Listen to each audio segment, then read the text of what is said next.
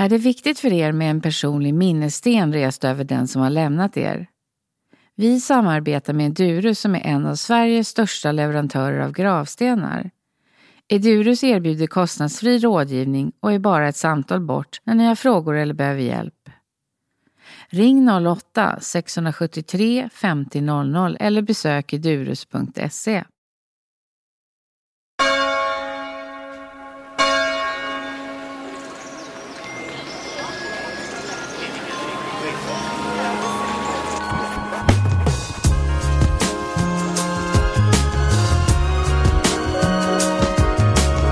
Vet du hur du vill ha din begravning? Har du bestämt vad det ska bli för musik, vad ni ska vara och vad det blir för mat? Det är det här vi pratar om i podden Min död, min begravning. Jag vill väcka tankar och att vi öppnar upp och pratar om begravningar. Det är en ceremoni man ofta lämnar till andra att utföra och gestalta. För mig är det alla detaljerna som skapar helheten när man ska hedra den avlidna. Jag heter Barbro Olsson Smith och välkommen till podden Min död, min begravning.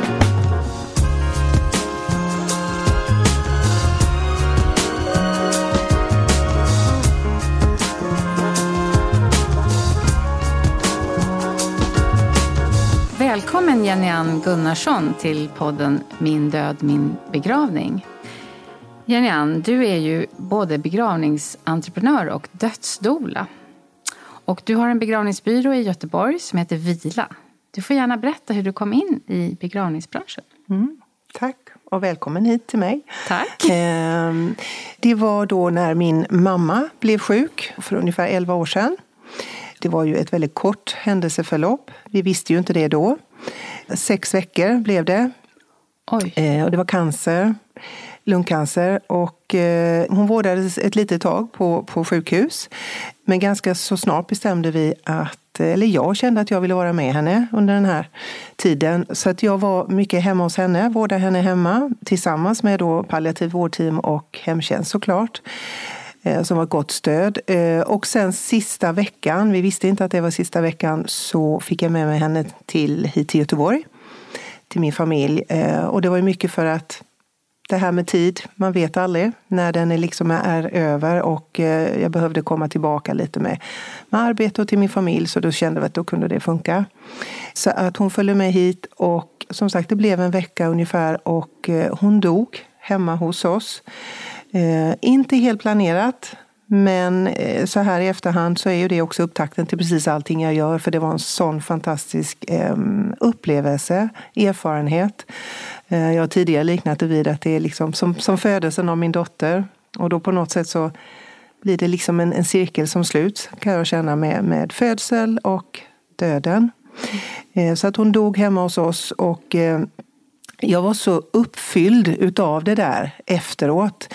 Um, har också sagt många gånger att jag var hög på döden. Och det var lite så som jag kände.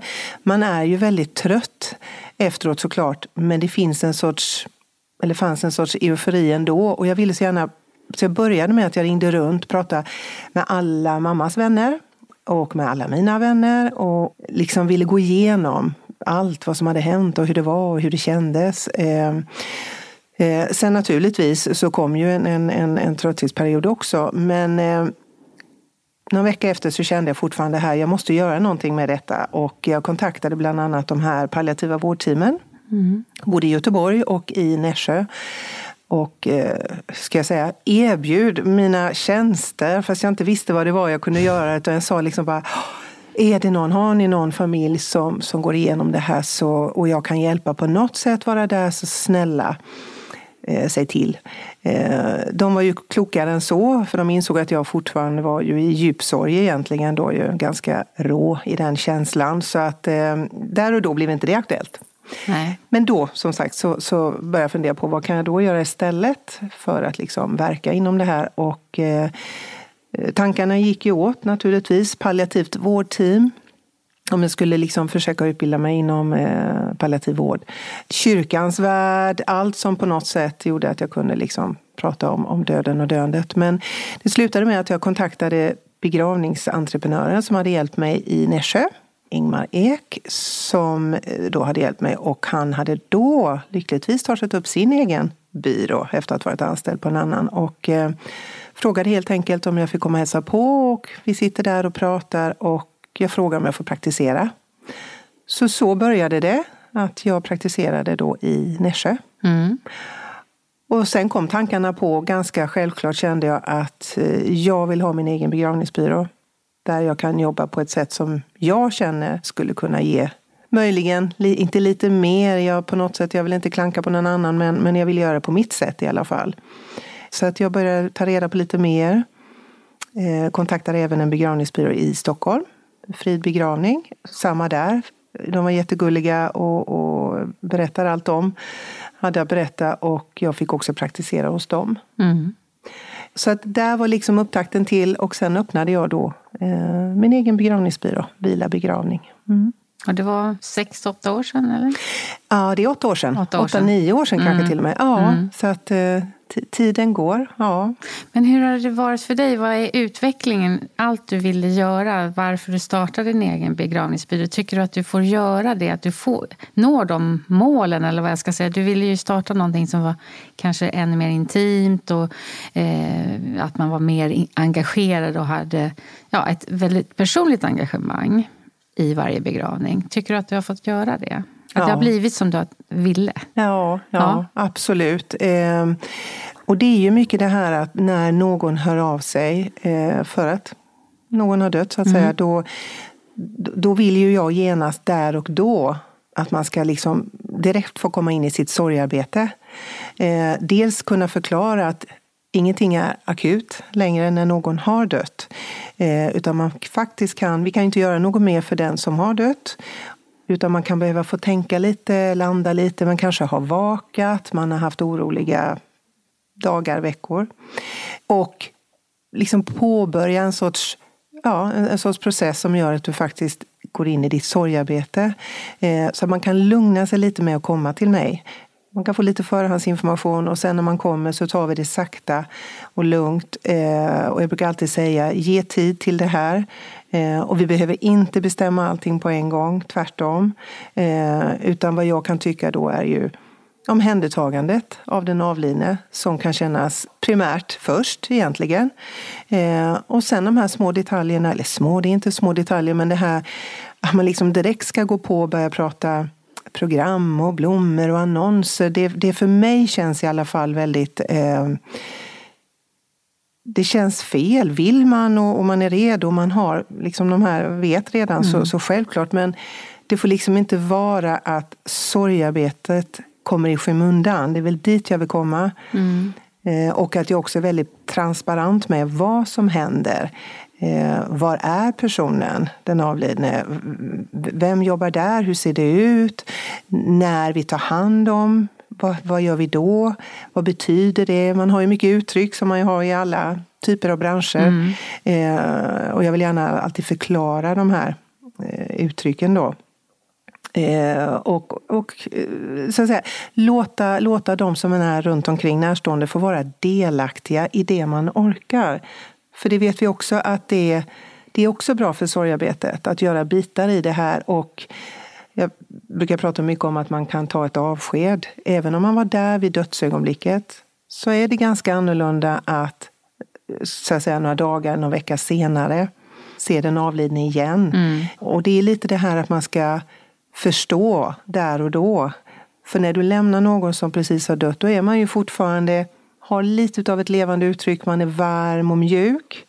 Eh, men när du då sen kommer så att säga, eh, och, tar det här avskedet som ju då oftast kan ske på bårhuset där man har avskedsrum. Då ser man mer liksom att det här är ett skal. Mm. Det är också när du tar på hårt och kallt. Och det ger ju liksom en fysisk signal upp till hjärnan egentligen. Alltså, eller att okej, okay, jag förstår. Och det kan ju kännas hårt och, och det är ledsamt, men jag säger alltid det är bättre att veta än att inte veta. Mm. Så att det här att försöka och vad menar du? In, över. In, veta och inte veta vad som händer menar du? Att, ja, vad, vad, eller hur vad, det kommer att kännas att ta ett sånt avsked till exempel?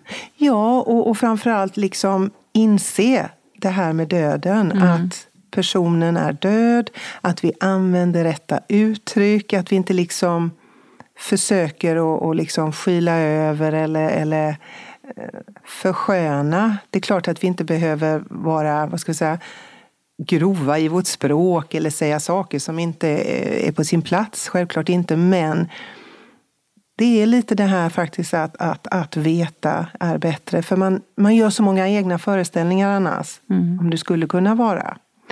Eh, så att den här biten tycker jag är viktig då mm. i, hos mig på byrån och jag är med i alla skeden.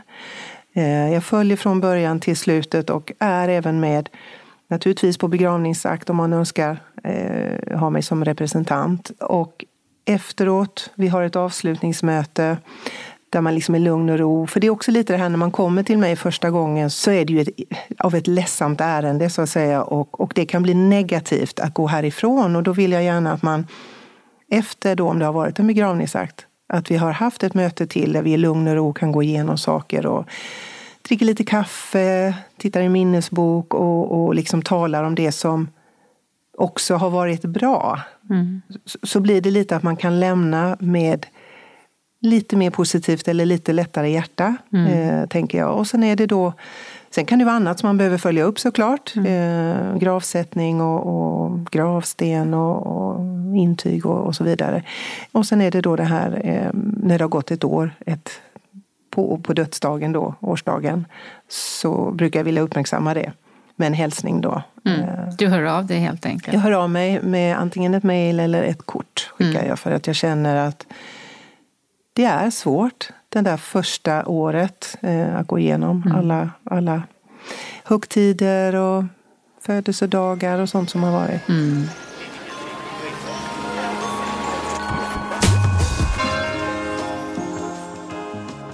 Måste man inte vara ganska mycket människokännare då, som du säger, när man kommer i sorg? För då, den som är i sorg kanske tror att allting måste bestämmas på en gång. Eller alltså, du måste guida då ganska mycket gissar jag. Men hur vet du? De kanske inte kan uttrycka sig vad de vill eller hur de ska göra. Hur tänker du kring det? Din uppgift? Ja, just det. Men jag, känner, jag känner ganska eh, direkt, höll jag på att säga, vart vi är på väg. Så att det är inte så att jag ger en hel palett med, för då blir det jobbigt om du har för många val. Men man kan oftast, eller jag känner att jag liksom kan hitta är det det här man tittar på är det, eller är det det här? Och då kan man få ramarna för det. Eh, och det kan vara alltifrån att jag faktiskt kan fråga om den avlidne hade några mm. önskemål. Det är ju, det är ju där Hur ofta är det så? Inte så ofta som jag hade önskat. Nej. Nej. Så att, eh, jag uppmanar alltid att man ska fylla i de här dokumenten. Absolut. Och framförallt samtala, ja. prata om det. Mm. Det är inte så att vi bara ska fylla i och sen lägger vi undan och gömmer. Och så vet ingen vad du har skrivit. Eh, för då kan det bli så här att någon hittar det här dokumentet och så står det något där som inte har talats om. Mm. Viktigast är faktiskt att vi uttalar för varandra. Det är ju inte juridiskt bindande, Nej. ett sådant. Men, eh, men självklart så, så följer man i största möjliga mån önskemålen. Men är det inte så också att det här dokumentet kan vara ett sätt att närma sig sin egen död och, och planering? Att det är en process att skriva det också? Det är ju en sak att säga ja, jag ska skriva det, men det är ju inte säkert att man gör det, vad jag förstår. Men jag menar, det, det kan ju ta ett tag att göra det. Man kanske inte vet direkt vad man vill. Så kan det absolut vara mm. och då kan man ju så att säga, man kan ju fråga mm. en begravningsbyrå om, det liksom, om man upplever att det är några begrepp som man inte riktigt förstår eller mm. man vill ha någonting förklarat. Och man behöver ju inte göra det, det fylla i direkt. Jag menar, jag, jag är väl lite skomakarens barn dessvärre då så att jag, jag eh, mitt, mitt dokument är ju fullklottrat eh, och det är både med bläck och blyerts och jag suddar och jag har mig och sådär. Så, det, det, kan vara ett levande dokument. Mm, det var så jag menade ja, också. Men det gör ju också att en process. Det, det, kan bli, det är en process och det kan vara lite roligt om man får uttrycka det över det i så fall. Att man ändrar sig och att man plötsligt ser på det som nästan att eh, jag menar, ju mer man processar det, desto lättare blir det och man kan nästan skratta åt att mm. oh, oj vad jag, vad jag tycker och tänker mycket och mm. jag kommer ju inte vara med men det är viktigt för de andra och så vidare. Och det är ju det det är. Alltså det här är ju liksom den finaste gåvan som du kan ge någon. Mm. Alltså, vid juletid så brukar jag säga till vänner och bekanta att nu fyller ni det här och så ger ni det som julklapp. Till exempel. Mm. Mm. Det är så intressant det här med om vem det är för. Och vem, men det kan ju underlätta jättemycket för en familj förstås om det finns guidning vad den avlidne skulle vilja ha. Men också, eh, fast man inte är med själv så är man ju med själv. Alltså det är ju det är en stor uppgift tror jag för de efterlevnarna att liksom göra alla de här valen. Och där kan jag tänka mig att många människor har olika erfarenhet och, och kunskap och törs, eller vad jag ska säga, ta ut svängarna kanske. För jag tror förr, alltså jag tänker för att vi går in i en ny tid nu. Förr i tiden så var det liksom, inte ska väl jag, nu ska ni begrava mig bara. Mm. Men nu gör vi så mycket mer val överallt. Mm. Som individ. Ja. Så hur ser du att det, har det hänt någonting där tycker du? Ja, det, det tycker jag. Eh, och det är positivt på så sätt att vi, hur ska man uttrycka det, att det har blivit nästan lite trendigt att, för så ser det ju också ut i vår värld, att, att saker och ting kommer i trender och sociala medier och så vidare, att man liksom på något sätt diskuterar de här detaljerna som är ja, jag ska ha en rosa kista eller jag ska ha, eh, jag ska ha eh, champagnemingel eller och så. Och, och, det är ju jättebra om det gör att vi börjar prata om det som är det riktiga, alltså komma till kärnan, mm. pudelns kärna, så är det också fine. Men jag ser ju också att det är där man vill hålla sig. Lite utanför. Ja. Lite utanför hur, hur liksom allt det där ska vara. Vi vill ju vi vill inte riktigt prata om det som är svårt, eh, om jag får säga ord som fult, otäckt, läskigt. Det vill säga, någon är döende, en kropp är i förfall, någon har dött, saker och ting kan ha hänt. Alltså, där behöver vi ju också vara. Mm. Alltså, det är inte ett rosa skimmer över döendet och döden i den bemärkelsen. För min erfarenhet med mamma, det blev så i stort sett, men det var ju mycket i det där som var svårt. Hon skulle ju ha, eh, jag menar hon, hon fick ju morfin, man blir på ett sätt, eh, kroppsligt, man kan må dåligt. Eh, jag skulle se till att hon fick det här hela tiden. Och, och eh, ja. Så att jag menar, man måste komma ihåg det också och våga ta i det. Mm. Att, att, att fortfarande våga kanske stå vid någon sida. Även när det liksom är inte bara det här liksom eh, nästan festliga över att vi ska mm. hålla en begravningsakt. Är det inte också så, för att jag menar alla gör ju inte praktik hos begravningsbyråer. Hur ska man då egentligen själv lära sig mer eller förstå det förrän det händer? Det kanske är en förälder som går bort, du kommer att komma nära kanske äldrevård och, och sista dagar och avsked och så. Men jag menar annars så är det inte så mycket det här, vi pratar ju så pass lite om det.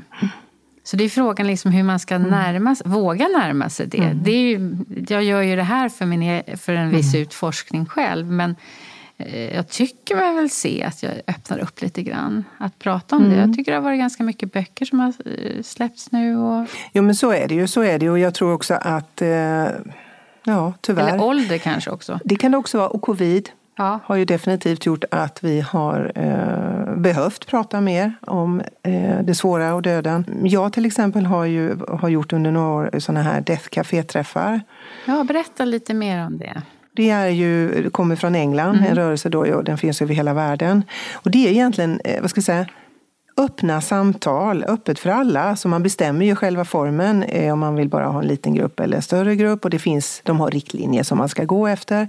Grunden är ju att man har ungefär två timmar, man, eh, man ses, eh, man pratar och så har man då någon som är, man får inte ha några liksom ämnen som ska tas upp i förväg utan man, man, liksom, man känner av.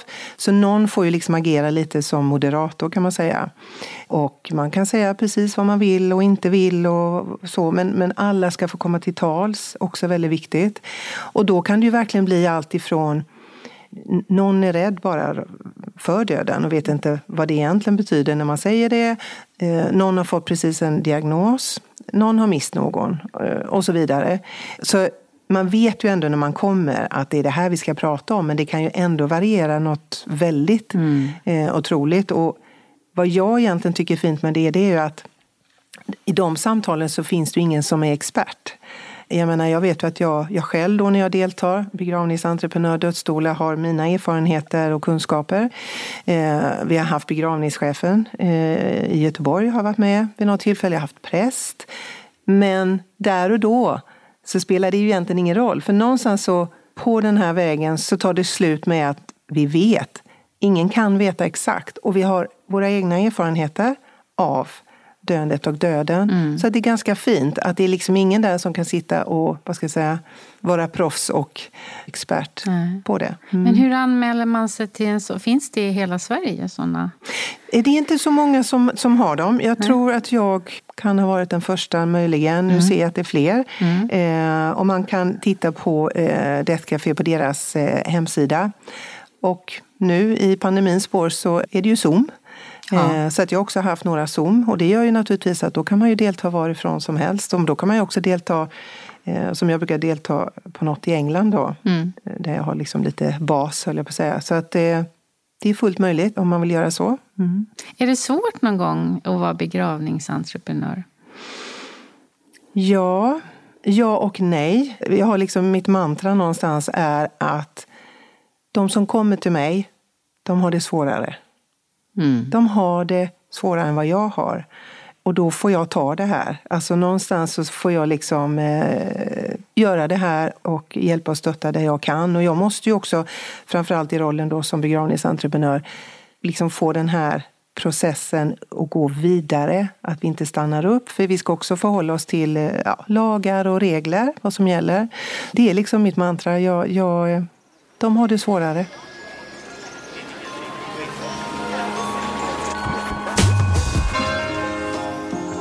Men det här med dödsstolar, vad var det som gjorde att du började med det? Det började som sagt var med att jag kom i kontakt med det här Death Café. Mm. Och via dem då som har samarbete med eh, den här utbildningen så kom jag då eh, i kontakt med begreppet. Jag är ju nu då eh, fullcertifierad End of Life Doula. Mm. Kallar de sig där. Så att där hittade jag den här utbildningen då och när jag läste om, om liksom vad det innebar och ordet i sig så kände jag bara att det gick rakt in i hjärtat och att det var egentligen vad jag har sökt efter. Lite konstigt att kanske säga, men så någonstans är jag nog begravningsentreprenör för att dödsstolar inte fanns där och då i mm. min värld. Eh, nu ser jag ju att de här går ju fint tillsammans, absolut. Där hittade jag det då. Men berätta, liksom, eh, hur ser det ut, en sån process? Mm. Jag tror att tidigare beskrivit någonstans det här att det finns ju, alltså i den perfekta doula-världen då, att man kanske har förmånen och det fina förtroendet att få träffa den döende någonstans i början när man har fått de här beskeden då som är liksom, ja, man vet att man har en, liksom en utmätt tid. Mm. Och då kanske man fortfarande är, vad ska vi säga, det är mycket känslor självklart, tankar som man behöver kanske vara med och hjälpa och stötta eller bara lyssna mycket. Men, men man kanske är så pass frisk, om jag uttrycker det så, så att man vill planera lite där och då. Och då kan det bli lite mer praktiskt, lite dokument, juridiska dokument. Titta lite på hur man har det rent fysiskt omkring sig med eh, hemmet, var vill man vårdas, var vill man vara? Till att man då går in i något sorts skede där man hjälper till. Oftast är vi ju, handlar det om att man vill dö hemma. Mm -hmm. eh, och det vet vi också är kvalitativt bättre på de flesta sätt. Eh, man själv känner sig mer bekväm och trygg, för du får ju ändå hjälp. Vi är ju inte medicinskt utbildade, vi, vi har kunskap. Men vi är ju länken då till de närstående och till eh, den medicinska vården. Mm. Då, då kan man få liksom i lugn och ro få planera sitt hem och det kan vara hjälpmedel eller vad det nu kan vara och man kan ha den här kontakten med eh, de palliativa vårdteamen till exempel och se till att man får det man behöver helt enkelt. Och sen är man ju då även länken till de närstående såklart, som vill och kan och orkar vara omkring den döende. Och jag säger närstående så man inte tror att det är liksom automatiskt familj, anhöriga, de här orden. För alla har inte det. Och även om man har det så är det inte säkert att de orkar. Nej. Och det får vara okej okay också. Men då kan man hjälpa de närstående att vara så mycket som de kan och vill. Man kan förklara lite också för den döende och för dem runt omkring vad man har kanske lite att eh, förvänta sig. Hur kommer jag förändras? Olika typer av smärtstillande terapier och sånt här. Det kan vara eh, meditationsövningar vi kan göra som kan vara ett komplement då till den medicineringen som mm. du kanske då redan får. För jag tänker lite på min mamma, hur drogad vill man vara? Det kanske inte bara handlar om att vad ska vi säga, fullständigt trycka i sig morfin. Man kanske vill hitta en nivå där man vill vara någorlunda med i stunder så man faktiskt kan ha samtalen och, bara vara med eh, sina närstående. Och vem bestämmer det om man inte hinner säga det så att säga? Då är det ju hemteamet eller vårdpersonal då? Och det är det här man vill att man ska få uttryckt. Sen, sen ser man ju också, jag menar de palliativa vårdteamen och alla de här, de, de ser ju också på en människa om det är mycket smärta. Mm. Vi låter ju absolut inte någon ha smärta. Nej. Men det här är ju liksom lite det här något förskede egentligen. Mm. När du kan välja att ha lagom då, hitta mm. en dosering som är bra men du ändå kan hänga med. Och då kan man istället hitta andra typer av vad ska jag säga, behandlingar, terapier, meditationsövningar. För då kan man ju också göra det här att man det här med att liksom få ha lite djupa samtal. Det blir mycket så. Existentiella frågor.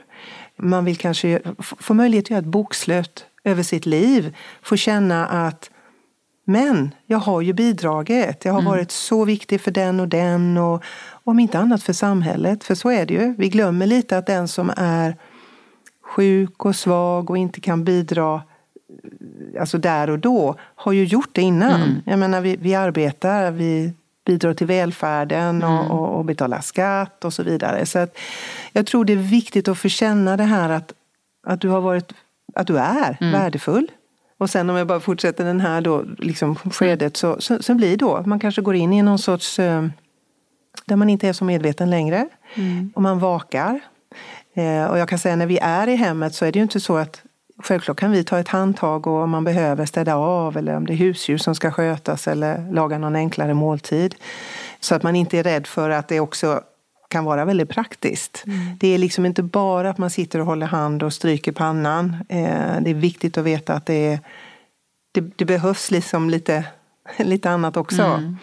Men som sagt, man är där och man kan vara där när personen också då dör och kan liksom, för de som är runt omkring närstående, i lugn och ro sen ta hand om mm. kroppen på det sättet som vi kanske har pratat om. Mm. Och då kan ju också de närstående till exempel få vara med och rent vad ska vi säga, ceremoniellt ta hand om kroppen. Mm. Det kan ju vara det här som, som jag känner som jag gjorde med mamma. Att man, jag menar, det var inte så att jag tvätta, tvaga henne utan liksom bara få stryka hennes händer med en, en blöt trasa, smörja dem och veta att de här händerna har hållit mig när jag var liten. Klappa i ansiktet, smörja fötterna som har gått på jorden. Alltså du vet det här mm. att få göra de här rituella, det är ju liksom det här lite rituella som, som, som jag tror, det gör gott för mm. sorgarbetet och för själen, för mm. vad det nu kan vara. Att i lugn och ro veta att vi kan göra det. Mm. Och att man kan få vara kvar hemma. Man behöver inte direkt ringa och säga kom och hämta. Vi är så rädda för att ha. Mm. Vi är ovana. Vi är jätteovana mm. vid att ha liksom ja. någon som är död hemma hos oss. Ja. Men det är också Samtidigt så satt vi ju där precis i skedet. Så att jag tänker personen någonstans fortfarande, det där sista, alltså det är, är, är, ju kvar. Mm. Och det är din person mm. som man då kan få, få känna lite närhet till. Så att inte vara för rädd för att faktiskt ta, du kan ta ett dygn med, mm. med att ha liksom eh, kroppen mm. kvar hemma. Absolut. Men när du berättar allt det här så låter det som att du är där he, dygnet runt i tre, fyra veckor. Är det så? Det kan ju vara så, eh, men då ska jag också säga att det här är ju så nytt mm. i Sverige så att sådana här, vad ska vi säga, fullfjädrade liksom så här, uppdrag har ju egentligen, har jag inte haft utan redan liksom i begravningsbyrån när jag började så hade jag många som kom till mig och eh, ville planera för de visste att de var döda. Inte bara någon mm. som vill skriva sina dokument men visste att de hade mm. kanske bara veckor eller månader. Så att då hade jag ju den processen och det är lite så det egentligen kan se ut att många gånger går vi in och tar bitar och gör det vad ska vi säga, pö om pö, att vi mm. börjar här och så går det en period och så har vi lite kontakt igen och sen kanske man är mot slutet och vakar. Så att så är det också mycket, att mm. man, man liksom gör såna här stötvis. Ja. Eh, och man kan ha kontakt jag menar, via numera Zoom och jag menar, telefon. eh, och man ses. Men vad man ska komma ihåg då, att blir det ett sånt här långvarigt, för så, vi, vi kan inte veta. Jag menar födslodoulor, de, ja. de vet ju mm. ungefär ju, eh, datum eh, och för oss är det annorlunda. Men det är då man också behöver ha ett nätverk. Så att man kanske är två, tre dolor kring ah. någon som är döende och stöttar. Mm. Eller som jag gör då, i och med att jag är ganska ensam i det här ännu, så involverar man ju närstående. Mm. För många vill, de bara vet inte vad eller hur. Och då kan man liksom hjälpa dem så att de faktiskt kan vara del i det. För när du berättar så kan jag tänka mig att ibland måste det säkert vara en närstående som gör allt det där. Fast de inte är utbildade så att säga. Alltså de går igenom ekonomi och de gör om ja, en make eller maka mm. eller vad det mm. nu är. Mm. Att, eh, men sen så kan jag tänka mig att kanske många skulle vilja ha stöd fast de finns där själva Helt, i ja. den här professionen. För det, det känns ju också som att det finns en viss coachning i det här, eller mm. psykologi, eller vad säger man? Mm. Alltså, mm. Mm. Det här med att göra bokslut över ens liv kanske är ännu svårare om man är, har varit nära och mm. är närstående. Mm. Nej men det stämmer. Mm. Och precis som du säger, det, det, var ju de här bitarna jag gjorde för min mamma. Ja. Men jag menar, utan det stödet som jag hade ifrån då teamen runt omkring, då hade det ju varit en helt annan sak. Så att det är ju lite det du säger att när man är känslomässigt engagerad, och det är inte det att vi inte är det, men mm. trots allt. Och då blir det det här som du säger, lite coachande. Och man kan ju inte orka hur länge som helst. Jag tror att många närstående kan nog också känna ett tvång. Och det bör vara så här. Ja. Jag ska. Men samtidigt så säger ju vet jag ju vad de sa till mig, palliativa teamet, är att eh, vi gör liksom det här vad ska vi säga, tunga arbetet och du gör det du känner att du vill och orkar. Men viktigast är ju att vara med den döende. Mm. Jag tror att det finns lite det här att det ska vara så. Eller så blir det då kanske att man, man eh, hamnar eller väljer att vara på sjukhus för att man vet att då har man ju den här tryggheten eller den här vården hela tiden. Eller på hospice. Mm. Men det är ju lite samma där då egentligen, att de kan ju inte sitta hos dig heller 24-7. Som någon som oss kan göra mm, faktiskt. Mm. Vi finns ju främst till för den döende, absolut för dem eh, runt omkring, men för den döende att liksom vara förespråkare, advokat, eh, alltså verkligen på något sätt tillgodose önskemål och, och behov. Mm. Hur reagerar anhöriga när det kommer in en ny person? Det kan ju också vara lite speciellt om ni gör det här tillsammans. Mm. Och det är ju så som det är alltid när man ska säga, arbetar med människor. Mm. Att man får liksom, eh, det är fingertoppskänsla, det är att vara men inte vara. Eh, att hitta den, mm. hitta liksom eh, rätt sätt för just den gruppen av människor om man nu tycker det så. Mm. Men det är ju också det här samtalen som ju faktiskt har främst med den döende att där får man ju ganska mycket information också. Sen kan man inte bara gå på liksom i ullstrumporna med, med de som är runt omkring. Men det kan ju också vara sånt som inte är så enkelt och så bra för den döende. Som man kanske måste försöka hjälpa till och, och vara lite, vad ska jag säga, kudde. Mm. Det kan ju vara någon som är väldigt dominant och man märker att den döende mår dåligt av det helt mm. enkelt. Så att eh, visst, det är mycket fingertoppskänsla. Mm. Absolut, mm. så är det.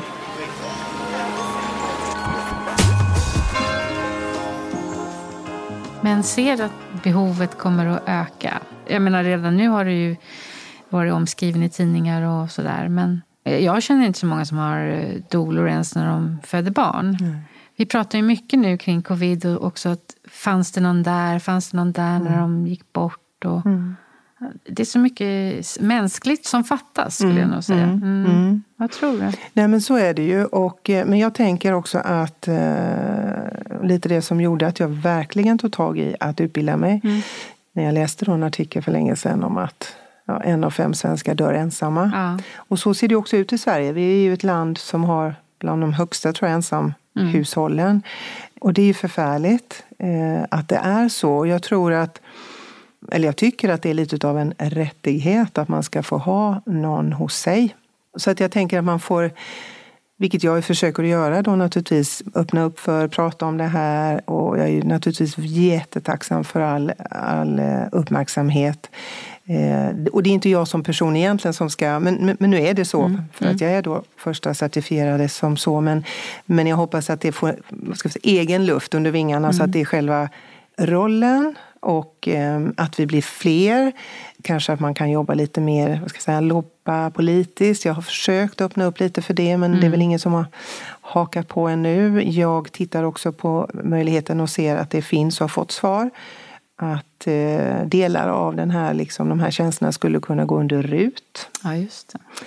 Så det är min förhoppning, så att det liksom finns för många.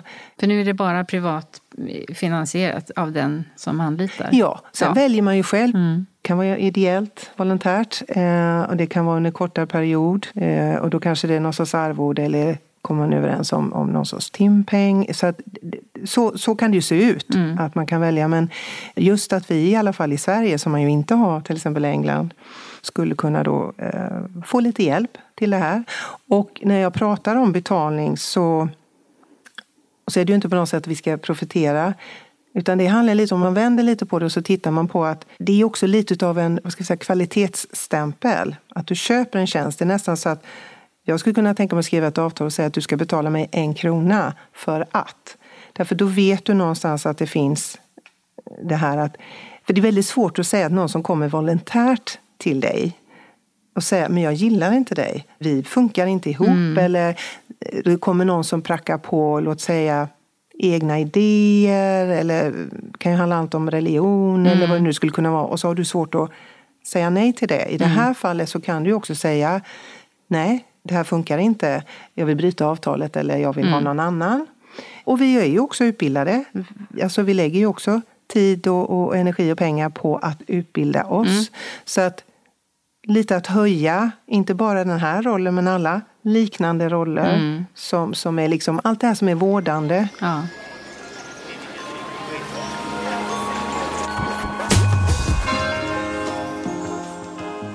För det mesta är det då personen som eh, är sjuk som kommer till dig kring det här med dola?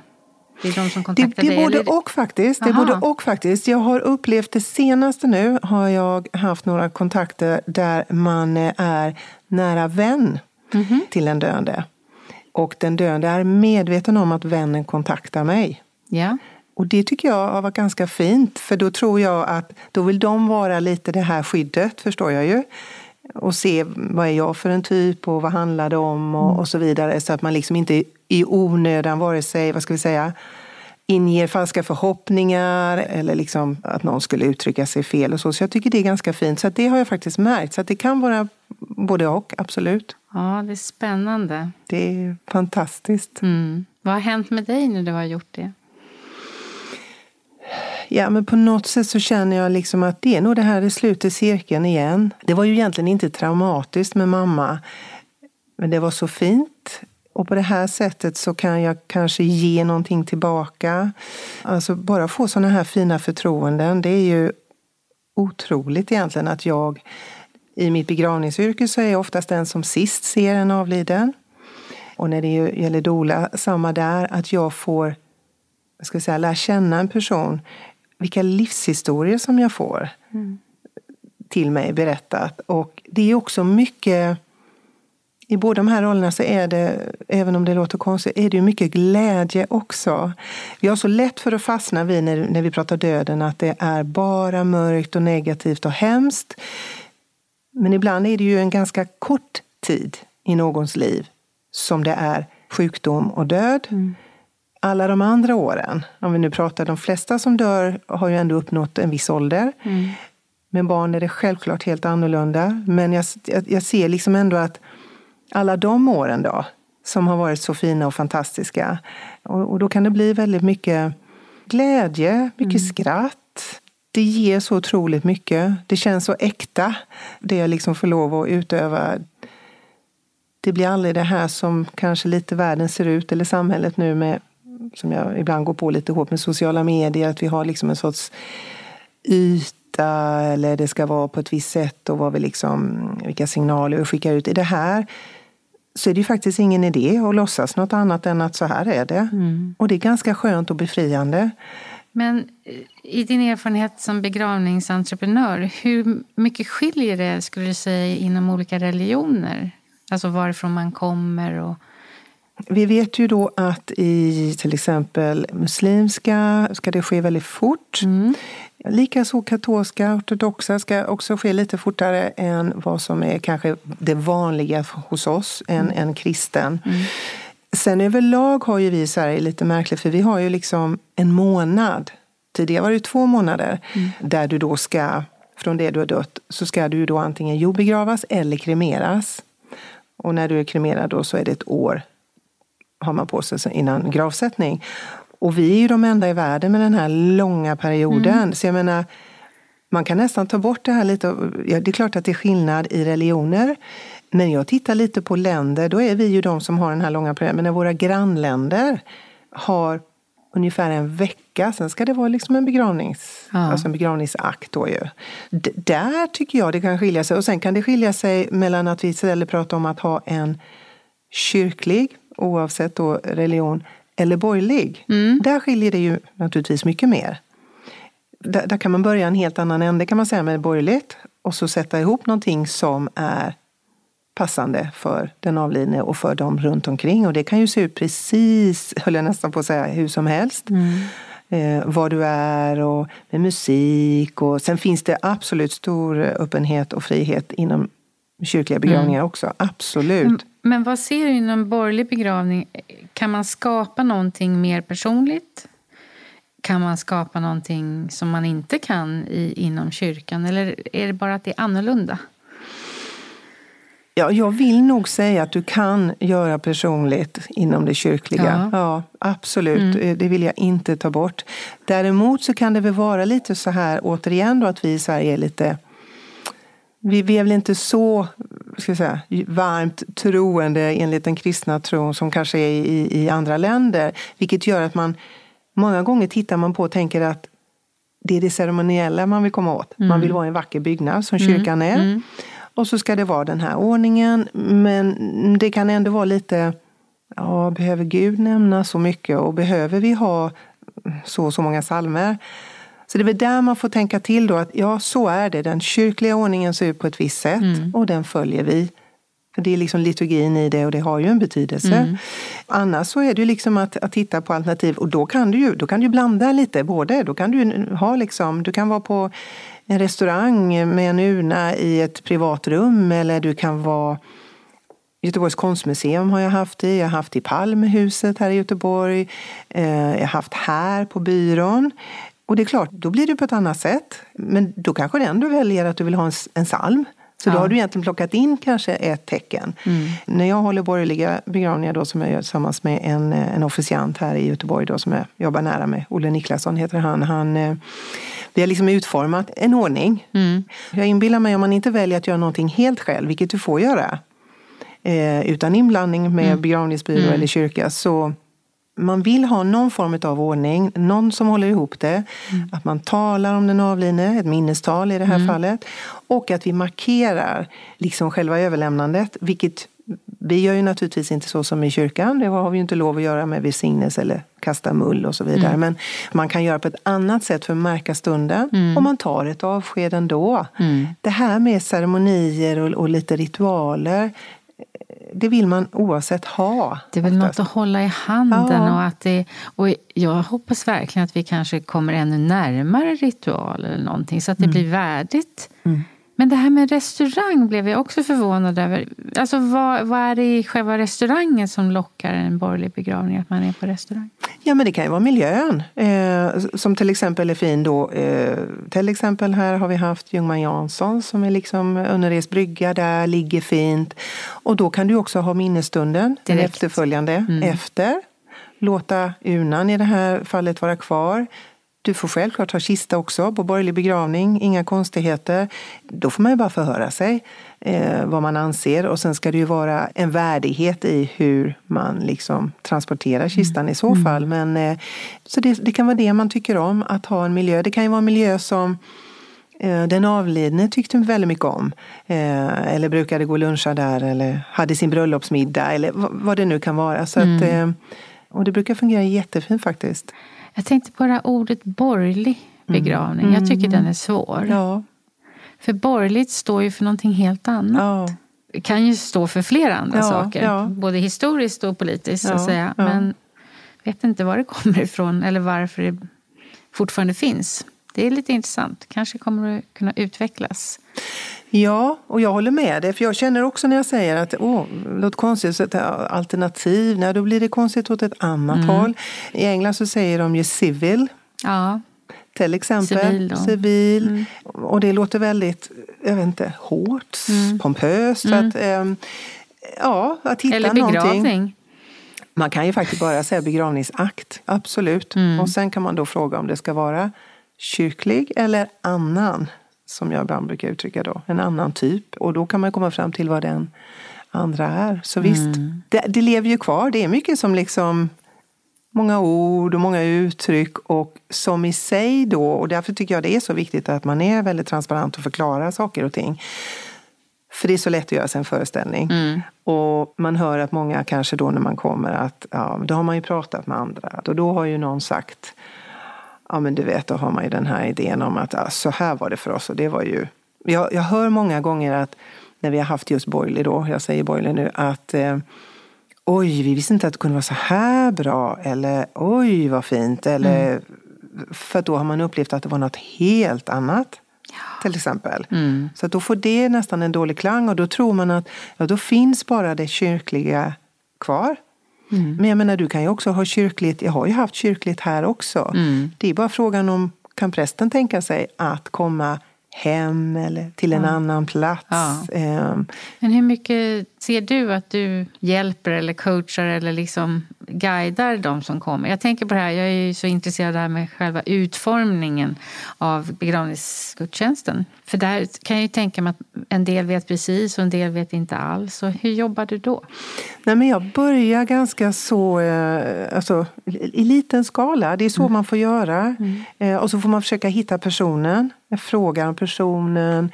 Och finns det önskemål så tittar vi på det. Och annars så får man ju gå på de närstående. Hur, hur känner de? Hur tänker de? Hur skulle de vilja göra?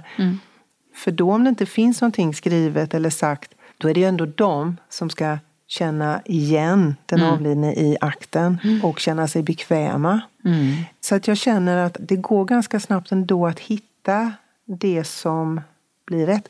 Men sen får det ta tid och det är därför jag tycker det är så viktigt att man ger tid. Så det här första samtalet som vi har, eller besöket när man kommer, det är ju inte på intet sätt det enda vi har. Utan jag brukar alltid säga att vi tar precis det som man orkar med nu och så tar vi efterhand. Så att man får liksom lite verka på det.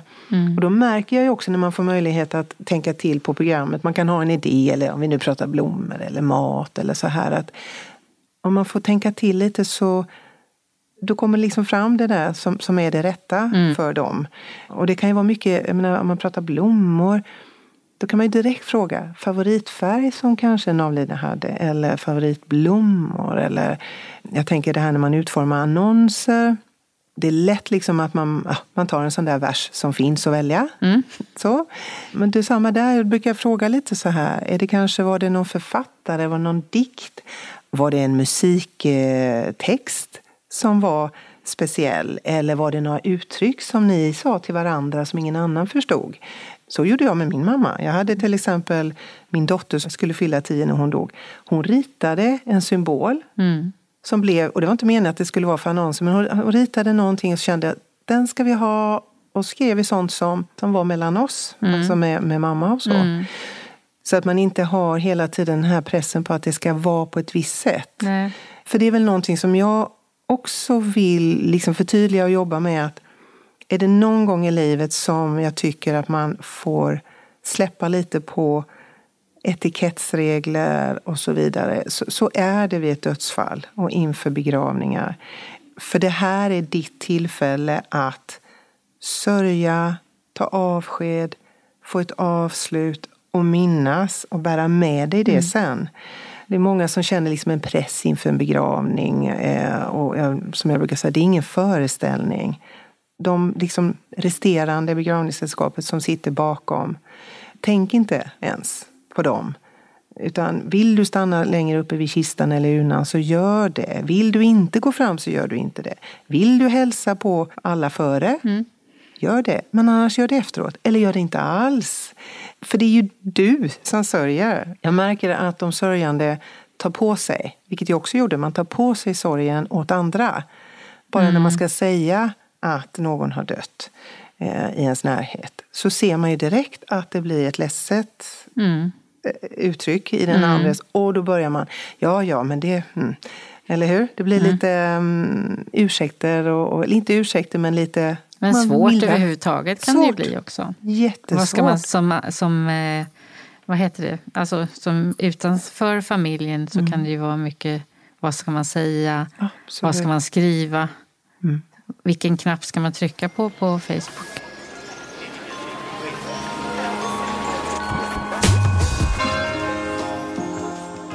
Men det här jag tycker ändå när man går runt kistan, det heter ju... Defilering. Ja, ja. Så tycker det finns en viss... Eh, jag kan förstå att många kan tycka att det är, man, blir, man tittar ju på mm. de som går fram. Mm. Och det, jag undrar lite om det. Varför man får se dem i ansiktet. Det skulle kunna vara tvärtom. att de fick en privat... Alltså ja. En... Och det kan du ju. Jag, jag brukar alltid säga ja. alltså att du, ni kan ta avsked själva efter. Ja. De andra får gå ut och så tar ni avsked. Ja, men man, alla Absolut. kanske inte vet eller får den nej, guiden. Nej, men det är precis det som jag känner är så viktigt. Jag vill inte att vi konventioner bestämmer? Nej, eller jag som begravningsentreprenör brukar säga lite det här. Jag är uppväxt det här lite med att man har någon sorts, eh, jag tänker min åldersgrupp, lite mer respekt för, du vet, för vissa yrken kanske. Mm. Läkare, advokat och mm. präst kanske då till mm. exempel. Och så blir det lite lätt begravningsentreprenör på så sätt att det är en stängd värld. Mm. Vi förväntas veta och så vet vi egentligen inte och då vill man inte fråga. Utan då läser man bara, som jag ju ser överallt, att det tipsas och det finns regler och den säger så och de har så och så. Och det är skönt att hålla, absolut, vi ska hålla fast vid vissa, för det kan vara skönt. Mm. Men jag tror också att vi behöver säga någonstans att det här är ju ditt sista tillfälle. Mm. Ska det vara för andra då? Och nu tänker du på den avlidne eller nej, den jag närstående? De, nej, men då tänker jag de närstående, ja. då, de sörjande. Att, att man liksom nej. inte... Man kan få guidningen, precis, man kan ja. få guidningen men det finns en frihet i det. Ja, men jag tror inte alla kanske bejakar det eller förstår nej. det eller or orkar det heller nej. kanske. Nej. Och det är väl det jag menar, ju mer vi, ja. tidigare vi börjar prata om de här sakerna och fundera själv Absolut. så kanske man är lite närmare till önskemål och, och sånt. Ja. Jag menar, det är många som kommer till mig och så, och så får jag liksom det här. Ah, jag kommer nästan inte ihåg min ja, mormors begravning. Eller jag fick inte vara med kanske man mm. säger. Mm. Eller man vet inte. Ah, så du menar att morfar till exempel låg i kistan mm. eh, i kyrkan? Alltså, det är så mycket föreställningar och så späs det på med vissa som då kan berätta lite mer, vad ska jag säga, istället för kanske verkligen veta. Så det egentligen, om vi, om vi går tillbaka lite till vad vi pratade om där innan, det här med hur ska man veta och hur ska man liksom lära sig inför? Då tänker jag, men kontakta då en begravningsbyrå, se om du får de svaren. Det var som någon skrev, jag kommer inte ihåg vad det var jag läste, jag tyckte det var så fantastiskt att Ja, men alla borde ha sin egen begravningsentreprenör precis som man har sin frisör eller tandläkare. Bankman. Bankman. Att man går... PT. PT. Ja, men eller hur? Att man tar den här kontakten mm. innan det ja. värsta har hänt. Mm. Ja, men där ser jag att hela begravningsbranschen kan göra så mycket mm. saker om man bara tänker ett steg till mm. eller tänker lite mm. nytt outside of mm. the box. Så det finns massor med spännande saker. Och, men... och vad man ska börja, förlåt jag kanske blöter, men vad man ska börja det är ju också hos barnen. Ja. Jag tycker ju fortfarande liksom, jag trodde väl i min, min fantasi eller min naivitet när jag, när jag började att oh, det, jag kommer bli nedsprungen här av alla som vill ha information. Och skolan här bakom, ja. de vill nog veta. Och, um, och jag tänker liksom, ja, men vi har kyrkan, vi har konfirmander, vi har liksom, men jag menar barn, är det inte där, alltså varför har vi inte begravningskunskap mm. eller dödskunskap mm.